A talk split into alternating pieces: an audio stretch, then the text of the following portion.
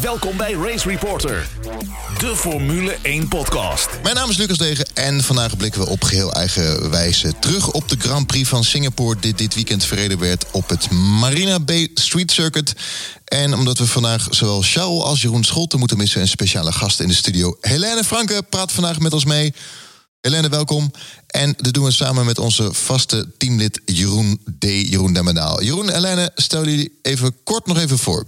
Ik ben uh, Jeroen Demmendaal, uh, schrijver, communicatie-expert. Uh, en ik volg de Formule 1 al sinds het begin van de jaren 90. Nou, ik ben Len Franke, grafisch ontwerper en groot raceliefhebber. En zeer vereerd dat ik hier vandaag mag zitten. Ja, in, in Maastricht zitten we, waar jij woont. En we zitten hier in een, hoe, hoe heet het hier?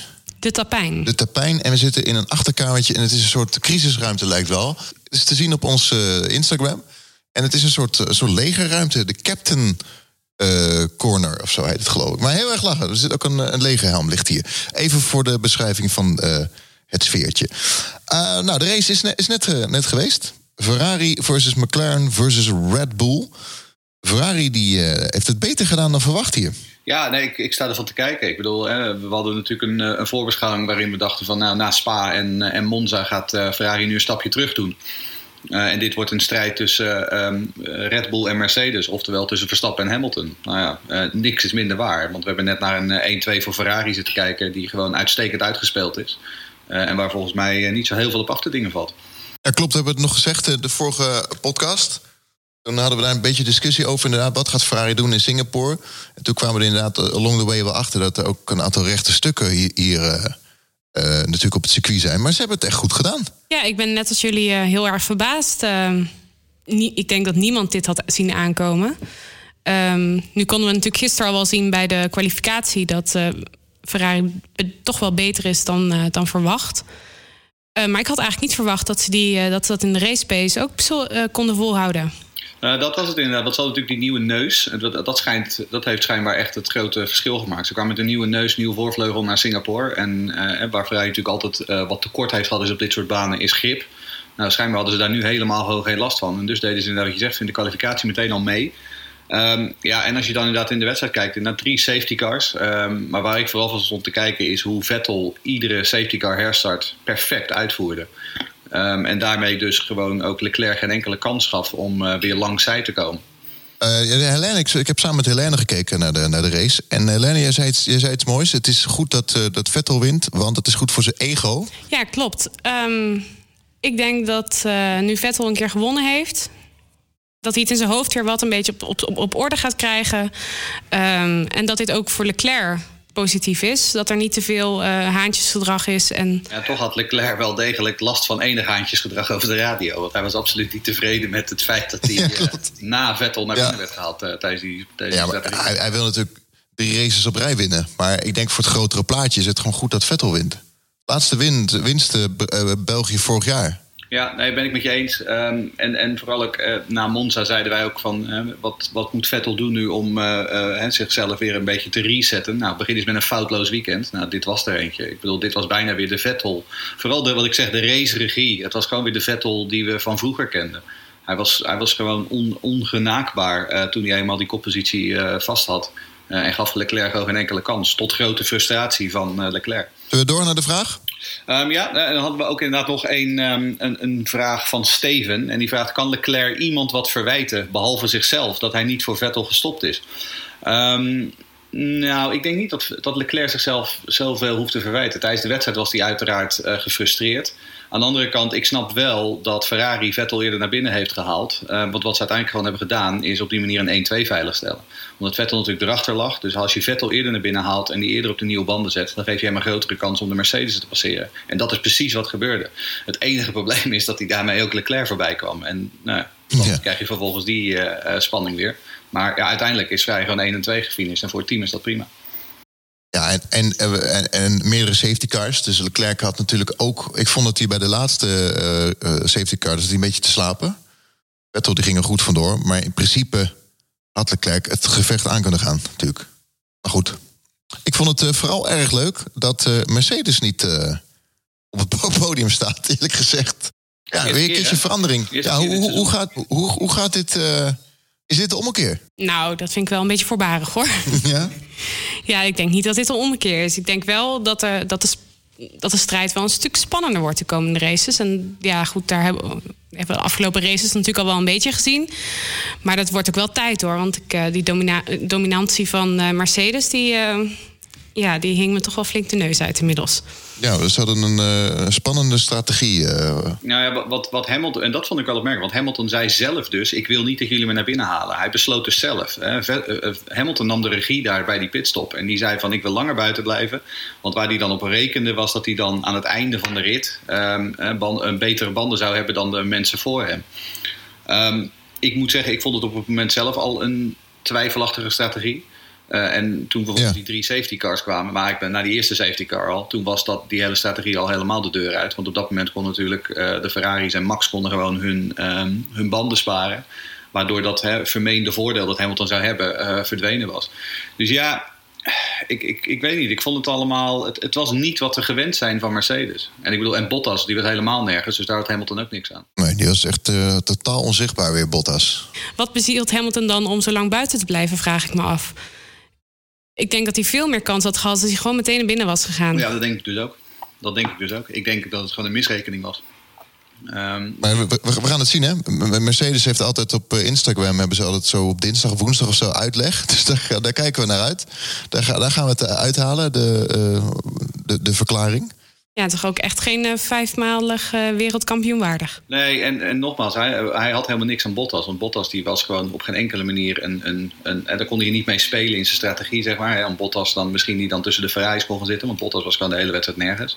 Ehm, in, dat, in, dat, in die zin een beetje hoe eh, Verstappen natuurlijk ook al het, eh, het afgelopen jaar heeft gehad bij Red Bull, zeg maar. Dat hij alles zelf moet doen.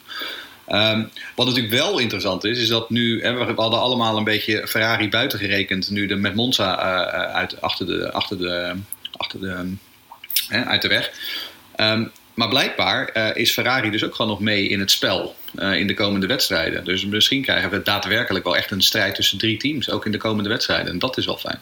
Wat ik wel een beetje jammer vind, is dat dan andere teams weer gaan mekkeren. Ja, is de Ferrari illegaal? Ja, het was dat uh, Ja, automotive laat, sportverhaal. Laat, hem illegaal zijn. We hebben weer mooie wedstrijden. ja, kan mij dat schelen. Dat zei jij in Ik vind het 1994 mooi. ook. Laat die Benetton lekker illegaal zijn. De Formule 1 podcast. Race Reporter. Nou, we hebben toch wel flink wat eh, sa- safety cars eh, eh, gezien. Drie. En ehm, Max weer op het podium. En Albon was lekker bezig. Ja, klopt. Albon eh, stelt mij niet teleur in ieder geval. Zeker niet omdat dit de eerste keer is eh, op Singapore voor hem natuurlijk.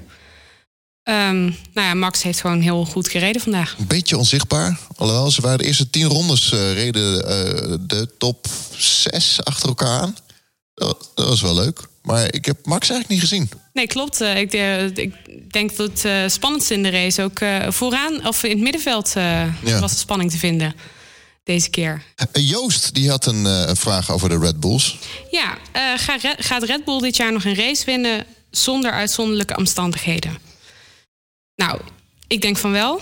Ik denk dat ze zeker kans maken, maar dat het wel niet zo makkelijk is als we van tevoren in ons hoofd hadden. Zo van eh, Brazilië, Mexico. Dan wordt hem voor Max. Met twee teams tegenover je die, eh, die het heel goed doen, wordt de kans wel wat kleiner, denk ik. Ja, we moeten natuurlijk niet, niet, niet ervan uitgaan dat Max ieder jaar Mexico gaat winnen. Nee. Want het is en blijft Formule 1. Maar eh, ja, het ziet er wel goed uit. Ik bedoel, het feit is dit weekend voor de beide Mercedes'en. Ja, op papier moet het zeker kunnen. Ja, nee, hij heeft, hij heeft maximaal gescoord. En ehm, ik moet zeggen, dat vind ik ook met ehm, van, van Albon. Eh, we hadden een vraag van Peter de Heus. Die vraagt, is Albon de nieuwe Gasly, maar dan Thijs? Eh, nou, dat vind ik een beetje oneerlijk ten opzichte van, eh, van Albon. Ehm, want Albon, uiteindelijk blijft hij redelijk bij. Hij race vooral beter dan Gasly. Dat zagen we vooral in de eerste twee wedstrijden. En eh, Gasly die, die verzoopt nog wel eens tussen de Force India's en de McLaren's. En, en Albon wordt gewoon netjes zesde. Ehm, nou moet ik wel zeggen dat ik vond dat hij er in de kwalificatie nog steeds een beetje ver van, eh, eh, vanaf zit. Dus over één ronde hè, heeft hij gewoon nog wel wat stappen te maken. Maar met name in de races doet hij het, eh, doet hij het gewoon naar behoren. Eh, en dat kan ook denk ik alleen maar beter worden. Ehm, maar ja, wat je zegt, ik wil Max voor de, voor de beide Ferraris, oh, sorry, voor de beide Mercedes'en. Ehm, eh, dus duwt de Mercedes van het podium af. Ja, ik bedoel, dat is maximaal gescoord, denk ik. Ik zie niet hoe die anders de Ferraris voorbij kunnen komen. Ook wel even nodig, hè, natuurlijk, uh, Max. En um, viel nog uit in uh, de laatste ronde Nors in België. Nu een prima zevende. Zo, Saints die deed wat minder, helaas. Maar uh, mooi resultaat voor Nors. Nou ja, Saints McLaren door Hulkenberg natuurlijk. Maar McLaren doet het goed. Beter dan onze favoriete team Renault. Voor de verandering. ja. Dan Alfa. Nou, ik vond, ja, ja, goed. Ik bedoel, Giovinazzi aan de leiding van de wedstrijd. Ik bedoel, dat vind ik natuurlijk wel gewoon mooi. Um, uiteindelijk um, pakt hij met hangen en wurgen een punt. Um, want ik moet wel zeggen dat de strategie bij Alfa niet helemaal lekker was. Ik bedoel, ze lieten hem natuurlijk veel en veel te lang rondrijden op die, uh, op die harde band. Maar hij, hij lag wel eerst op een gegeven moment. Ja, dat zeg ik. Hij lag aan de leiding en dat is prima. Uh, maar ja, hij, hij had aan het begin van de wedstrijd, hè, toen, toen iedereen zo rustig achter elkaar rondreed. Uh, en toen, wat, natuurlijk ook wat we ook vorig jaar al zagen en dit jaar in Monaco. Hij, hij, hij had een gouden positie op dat moment. Want hij lag achtste. Um, en hij was de eerste op mediums. En dus je, je kon toen al aanzien komen, die gaat op termijn aan, aan kop liggen. Maar vervolgens hadden ze net iets eerder binnen moeten halen. Want uiteindelijk toen hij pas naar binnen ging, toen lag hij al, wat is het, 14 of 15. Omdat hij door Jan en alle man voorbij werd gereden. Omdat die banden helemaal klaar waren. Dus wat dat betreft, ik denk dat ze dat, dat heeft ze nog wel misschien wel twee, drie punten gekost. Ja, en, uh, en Kimmy, met die, die had een, weer de torpedo in zijn nek. Wat, ja, wat vinden jullie van het incident, raceongeval of gewoon weer de torpedo die. Uh... Nou, dat was natuurlijk niet heel handig van Kwiat, maar ik vind dit wel een race-incident hoor. Want? Ja, Kimi ziet hem aan. Kimi kan hem aanzien komen en je kunt ook gewoon net iets minder ver insturen, net wat minder hard. Oké, okay. en Jeroen? Ja, nee, uh, ik, uh, ik vond het een fout van, uh, van Kwiat. Ik vond dat Kwiat van veel te ver kwam. ja, ja. Rijkonen had wat minder brusk in kunnen sturen. Aan de andere kant, Rijkonen had gewoon de racelijn. Dus ja. um, die stuurt gewoon in. Um, en die ziet ja. opeens die torpedo inderdaad via de zijkant binnenkomen. Um, dus ja, nee, ik, ik vond het een fout van Kwiat. Uh, maar dat is een beetje met Kwiat. Hè? Ik bedoel, nou, nou blijft hij in 2020 bij Toro Rosso. En hij wisselt de ene uh, goede race, bijvoorbeeld in Spa was hij heel goed, uh, met ja. dit soort races af. Er zit, er zit nog steeds niet echt dat je zegt lekker ontwikkeling in bij die jongen. Nee, maar kijk, weet je, voor hetzelfde geld, als deze actie wel was gelukt en Kimmy had even een centimeter naar rechts gestuurd en ze hadden gewoon gewheelbanked en dan was er voorbij. Dan was het weer de driver of the day. Het, het is ook wel, wel heel uh, dun, die, die lijn ook, hè? Sure. Maar goed, ik ben het wel, ben het wel met je eens. Het, maar hij, ja, hij staat gewoon onder druk. Nou ja, het punt is, kijk, wat, wat dat vond ik wel opmerkelijk. Ik weet niet wat jullie daarvan vinden, maar het feit dat ze nu al aangeven dat Kwiat dus niet meer in aanmerking komt voor die stoel bij Red Bull in 2020. Uh, wat Marco ja. dus dit weekend zei. En dat hij nu al zei, nee, Kwiat blijft in 2020 bij Toro Rosso. Je moet je afvragen, wat, wat heeft Kwiat daar nog bij te winnen? Uh, ja, dat is waar. Dat is waar. Ik weet niet, Len, ik weet niet hoe jij daar tegenaan kijkt. Maar ik bedoel, op een gegeven moment moet zo'n Kwiat ook een keer denken van... joh, ik ga gewoon wat anders doen. Want ik bedoel, die Red Bull, daar kom ik nooit meer in. Ja, ik denk eigenlijk dat Fiat zich een beetje heeft neergelegd dat hij niet meer bij Red Bull gaat komen. Dat hij dat niveau gewoon niet meer gaat halen. Ja, en net als Hulkenberg misschien uh, zichzelf erbij neerlegt dat hij gewoon heel erg lang in het middenveld blijft rijden en daar wel zijn geluk uithaalt, misschien. Maar ik bedoel, ik, wat nu ook weer. Gasly, die heeft, Gasly heeft drie of vier wedstrijden in die, in, die, in die Toro Rosso. En is nu eigenlijk gewoon al de gelijken, zo niet meer dan, uh, ja. dan Kwiat. Um, en dat is ook het rare, hè, Gasly. Um, die man is een mysterie. Ik bedoel, die in, vorig jaar in die Toro Rosso heel sterk. Ja. Vervolgens stapt hij in die Red Bull. Hij is helemaal nergens. En nu zit hij weer in die, in die Maar- Toro Rosso. En, en gaat het gewoon weer heel aardig. Maar is dat niet gewoon een, een eh, niet om kunnen gaan met de druk? Ik bedoel, bij Red Bull komt er eh, een berg druk bij kijken. Hij moet eh, Verstappen ondersteunen. Hij moet niet verder van af liggen. Met de Rosso is hij eigenlijk nu de betere, eh, enigszins. Dat, dat geeft rust in je hoofd. En dat zorgt er misschien ook voor dat je veel vrijer en beter kunt racen. Ja, ik denk wel dat je daar gelijk in hebt, ja. Uh, wat, dat, wat dat is het inderdaad. Maar wat, wat moet je dan als Red Bull met zo'n jongen doen? Want ik bedoel, uiteindelijk wat Red Bull natuurlijk wil... Hè, is de volgende uh, Sebastian Vettel opleiden. Nou, dat moet Max Verstappen dan worden. Dat moet de volgende Sebastian Vettel worden. De man die namens Red Bull kampioen wordt. Maar Gasly gaat het niet worden. Uh, ik denk dat Helen gelijk heeft. Ik denk dat die jongen gewoon mentaal dat gewoon nog niet op kan brengen op dat niveau. Nee, dan is de vraag van, kan die dat gaan ontwikkelen? Of zit het er gewoon niet in? Want dat kan ook. Dat je mentaal gewoon dat nooit gaat leren. Dus dat is een, een, een keuze voor Red Bull. Van, goh, geven we hem nog die kans om dat te ontwikkelen? En misschien later nog een kans in de Red Bull? Of kiezen we gewoon definitief voor een ander pad? Ja, dat hangt er vanaf hoe goed Albon het doet. En tot nu toe doet Albon het gewoon goed. Dus Ja, dat denk ik ook. Want Albon die lijkt wel gewoon met die druk om te kunnen gaan. Nou dat denk ik ook omdat hij, eh, zoals ik al eerder gezegd heb, gewoon, ik denk dat hij geen druk heeft. Ik denk dat hij, die jongen die heeft alles te winnen en niks te verliezen. Eh, maar hij is hij, zijn hele, zijn hele ehm, doen en laten, eh, zo, sinds hij in die Red Bull zit, is ook gewoon heel erg verfrissend. Hij lijkt inderdaad niet, wat je zegt, Gasly die liep altijd maar inderdaad met die enorme last op zijn rug. Dat kon je gewoon zien. Ehm, en bij Albon zie je dat gewoon niet.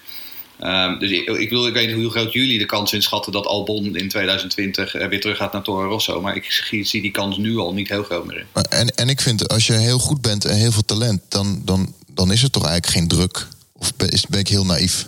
Als je gewoon goed, goed bent, goed presteert, dan gaat het bewijs van spreken vanzelf. Nou, daar ben ik het niet geheel mee eens. Ik, ik denk dat, eh, dat de psychische druk wel echt onderschat wordt.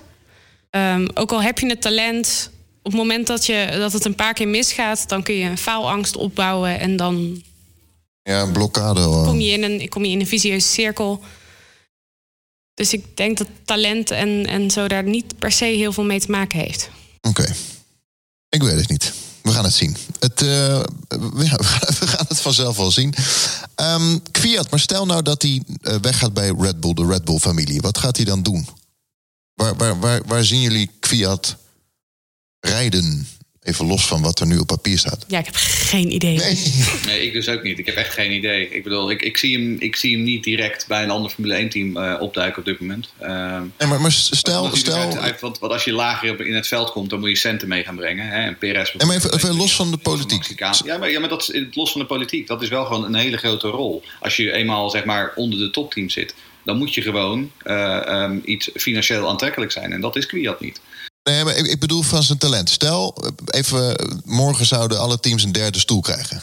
Ja. Ik bedoel meer, de vraag is meer, op welk niveau sch- schatten we hem in? Wa- Waar, waar zou die dan... Ik denk dat Kwiat nooit boven die middenklasse uitkomt. Nee, precies, dat, dat bedoel ik. Ik weet niet, wat, wat vind jij, Jeroen? Nou ja, ik weet ik veel. Ik denk dat dan zou die misschien bij een Racing Point of zoiets dergelijks, zou die denk ik misschien wel terecht kunnen. Maar de, de realiteit is dat alle teams maar twee auto's hebben. En dat ik, ik zie gewoon niet als, als Red Bull uiteindelijk besluit van we stoppen ermee. Hè? Want ik bedoel, je kijkt naar de Ja. Formule 3, daar komt een jong, eh, jong uit Estland, eh, Yuri Vips, die komt Ja. eraan. Ehm, als die gewoon derde wordt dit seizoen in het, eh, in het Formule 3 kampioenschap, dan heeft hij voldoende punten voor een superlicentie. Nou, het zou mij niet verbazen als ze die op een gegeven moment eh, op termijn gewoon eh, de, dat dat de volgende is. En daarachter komen nog een paar andere jongens als, als, als Lawson, als Doohan, als, als Hauger, eh, die komen er ook aan. Dus ik denk op een gegeven moment, hè, dat, en dat weten we van Red Bull, dat hebben ze destijds met Alguersuari, met Vernier, met al die andere jongens. Op een gegeven moment gaan ze er gewoon uit. Ehm, en ik denk dat op dit moment Kwiat gewoon de stoel warm houdt totdat een van die jonge gasten uit de Formule 3 eh, eh, klaar is voor de volgende stap. De Formule 1 podcast. Race Reporter. Grosjean bevestigd. Ja, Kwam een beetje als eh, verrassing, eerlijk gezegd. We hebben ehm Kubica die afscheid neemt. Er is best, best veel gebeurd eh, deze week. Ja, nou ja, Grosjean is inderdaad, denk ik, eh, daar moeten we het wel even over hebben volgens mij. Eh, eh, Ja. Dat het Grosjean wordt en niet Hulkenberg. Want daar zijn alle verhalen dan dat Hulkenberg, die zou dan nee gezegd hebben. Wat overigens eh, bij hoog en laag ontkend wordt door Günther Steiner. Want Günther Steiner zegt, ik heb hem nooit een aanbod gedaan. En ehm, Hulkenberg zegt van, nou, we hebben wel degelijk hele vergaande discussies gehad. Dus dan komt het neer op de, de definitiekwestie van wat is een aanbod en wat is geen aanbod. Ehm, Uiteindelijk is het, er gewoon, is het natuurlijk gewoon neergekomen. En daar geloof ik wel in dat Hulkenberg gewoon heeft, naar die haas heeft zitten kijken. En dat gestuntel daar dit hele jaar. En die heeft gedacht, joh, ik ga daar niet in zitten. Ehm, nou, wat gaat hij dan doen? Ehm Alfa wordt, wordt gefluisterd. Ehm, ehm, Formule E wordt gefluisterd. Maar ik geloof dat er in de Formule E... eh, het is jammer dat Charles er niet is. Want dat is zijn eh, eh, liefdesbaby natuurlijk. Maar daar zijn voor mij niet zo heel veel stoeltjes meer vrij. En eerlijk is eerlijk, na Giovinazzi vandaag... Ik bedoel, Giovinazzi doet vandaag goede zaken... om dat Alfa-stoeltje vast te houden. Dus ja, in, in een IndyCar of een NASCAR. DTM. DTM zie ik hem wel doen. Ja, dat gaat Kubica geloof ik ook doen. Hè? Ehm, maar ik bedoel, moet je dat Ja, Button, Button ook, wat ook een... eh, Ja, Button gaat geloof ik in één keer een race doen of zo, toch? Ja. Ja, ik, ik mis wel echt een, eh, een, een, een Formule 1 coureur in. Ik vond het altijd leuk. Dan ging je naar DTM Zandvoort en dan zag je Hakkinen Alesi. Dan kan je toch, kan je toch zeggen, ik heb Hakkinen gezien. Ja, ja. en Frensen in die. En- en dat- dat- kan ik me nog herinneren. ja, precies. Maar ik weet niet, Hulkenberg naar DTM, dat vind ik wel een hele grote stap terug. Eh, en naar Amerika wil hij ook niet, want daar schijnt die ovals, daar schijnt hij niks te vinden. Ehm, eh, Le Mans heeft hij volgens mij al een keer gewonnen. Dus ik bedoel, ik, ik, ik weet niet wat Hulkenberg. eh, maar goed, misschien heeft hij, heeft hij eh, in tegenstelling tot Kwiat, die inderdaad gewoon tevreden is om maar een beetje in de ronde te rijden bij uh, Toro Rosso, Ja. heeft Hulkenberg daar gewoon geen zin in. Ik weet niet. Eh, Helena maakte eh, terecht de opmerking eh, dat de vriendin van eh, eh, Hulkenburg dit weekend opvallend veel eh, werd opgepakt door de regie. Ja, Mooie dame. Kijk, die vrouw heeft natuurlijk ook eh, invloed op de beslissing, denk ik. Van ja, ga ik naar Waar- waarom Ja, was nee. waarom was die mevrouw opeens de hele tijd in beeld? Ik snap dat niet zo. Ja, goede vraag. Ik denk dat de regisseur er wel knap vond. Oké. Maar ik bedoel, er er een hoop rond, toch? Een hoop eh, eh, rijders, vrouwen en vriendinnen rond, toch? Hm. Eh, maar ja, Grosjean. eh, God, wat, moet je, wat moet je met die man? Eh wat nu inderdaad nog een jaar. Nog een jaar dat gemiep over die radio. Ja, maar wat was dit ook voor een actie, joh? Buitenom, dan neem je toch je verlies. Ik vond het. Ik, ja, nee, ik ga toch nog even proberen me ertussen te wurmen en ik raak met een wieltje. Nou, het is.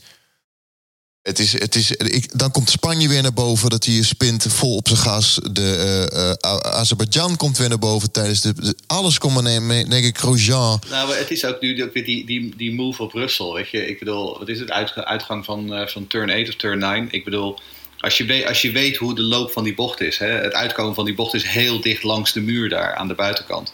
Ehm, en niemand haalt daarin. Niemand kan daarin halen. En Romain Grosjean, de grote eh, eh, geniale Romain Grosjean, die zal daar wel even via de buitenkant in gaan halen. Eh, ik hou nou toch op zeg.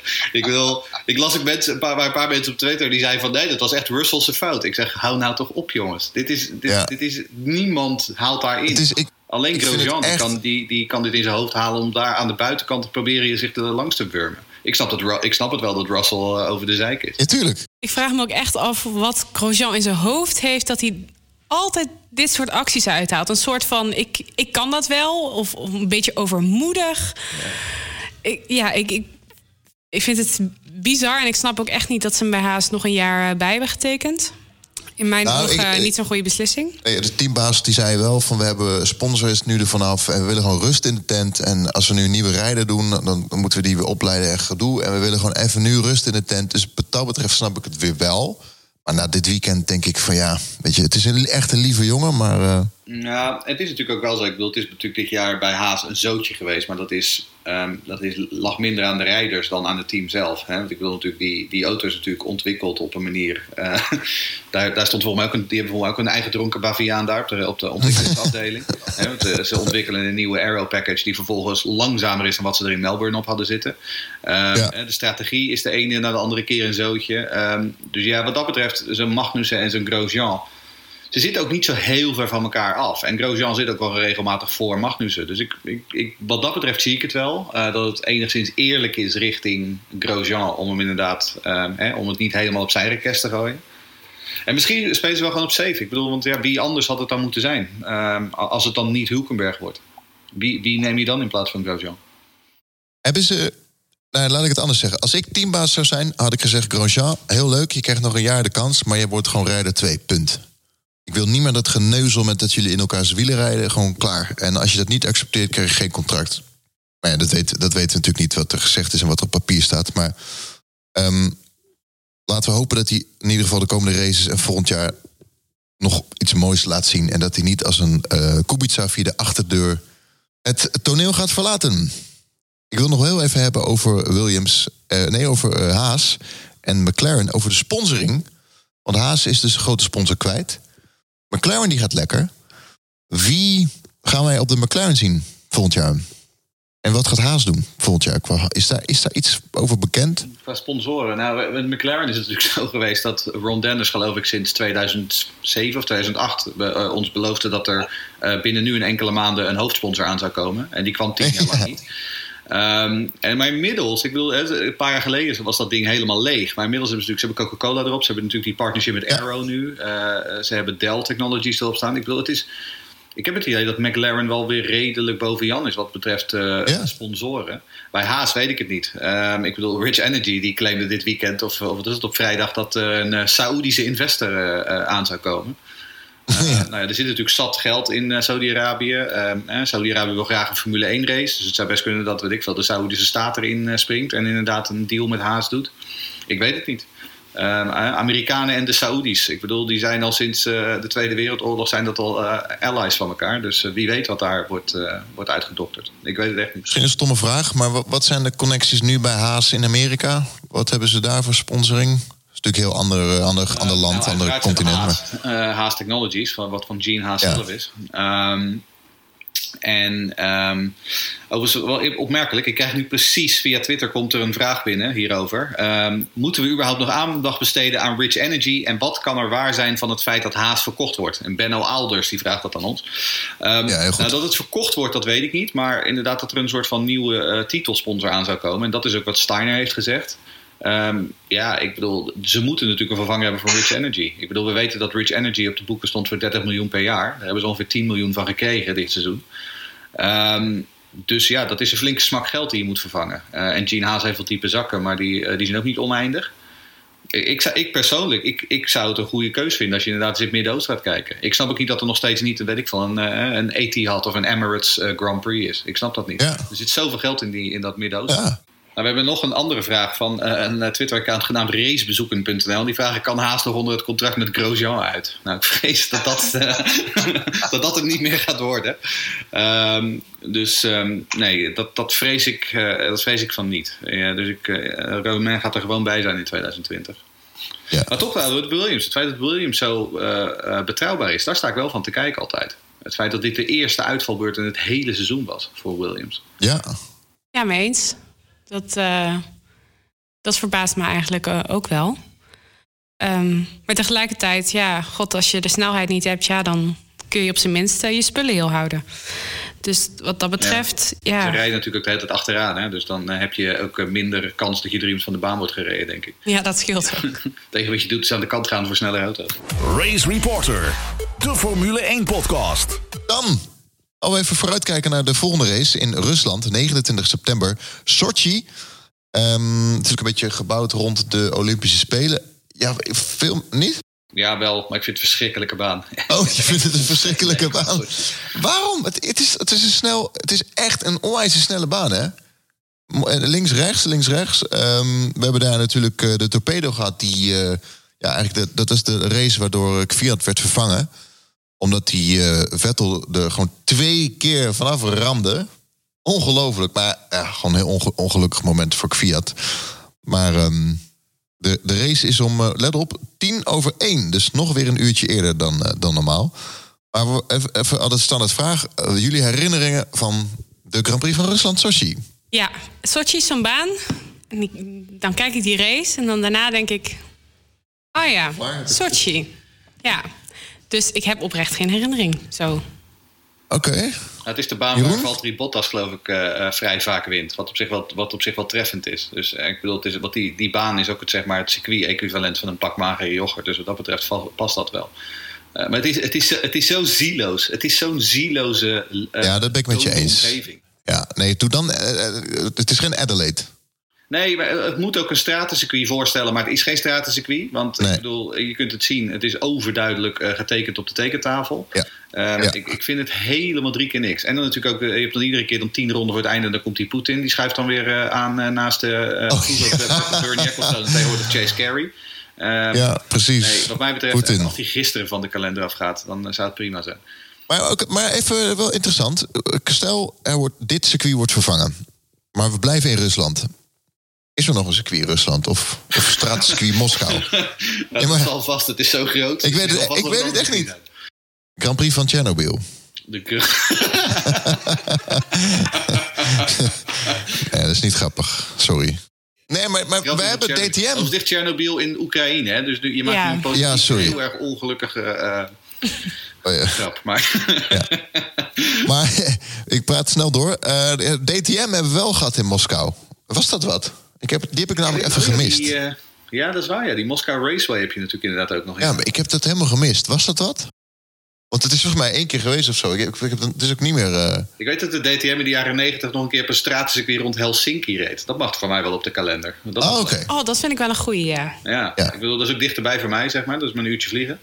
Dus, ehm, Ja. En ik wil nog steeds, ik wil die straatrace in Kopenhagen hebben, waar ze het een tijdje terug over hadden. Dat was eh, toen, toen ze de, de Kevin Magnussen hype in Denemarken wilden ze dan eh, op gaan springen. Oké. En dan moest er een, een, een stratenrace door Kopenhagen komen. En Kopenhagen is met drie uur rijden hier, hier vandaan, dus dat lijkt me wel prima.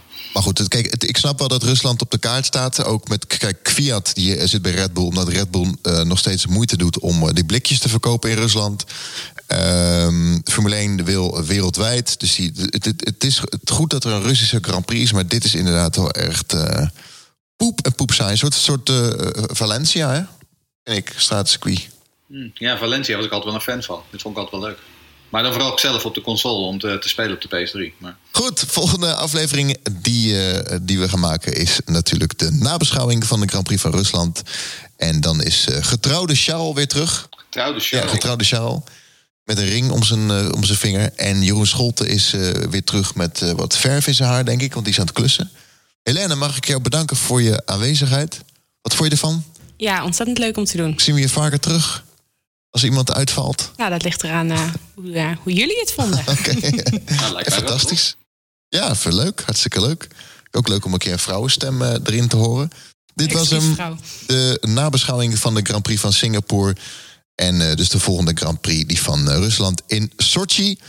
Ga naar onze website voor doneren. Iedereen, eh, de donaties die staan erop. racereporter.nl slash support.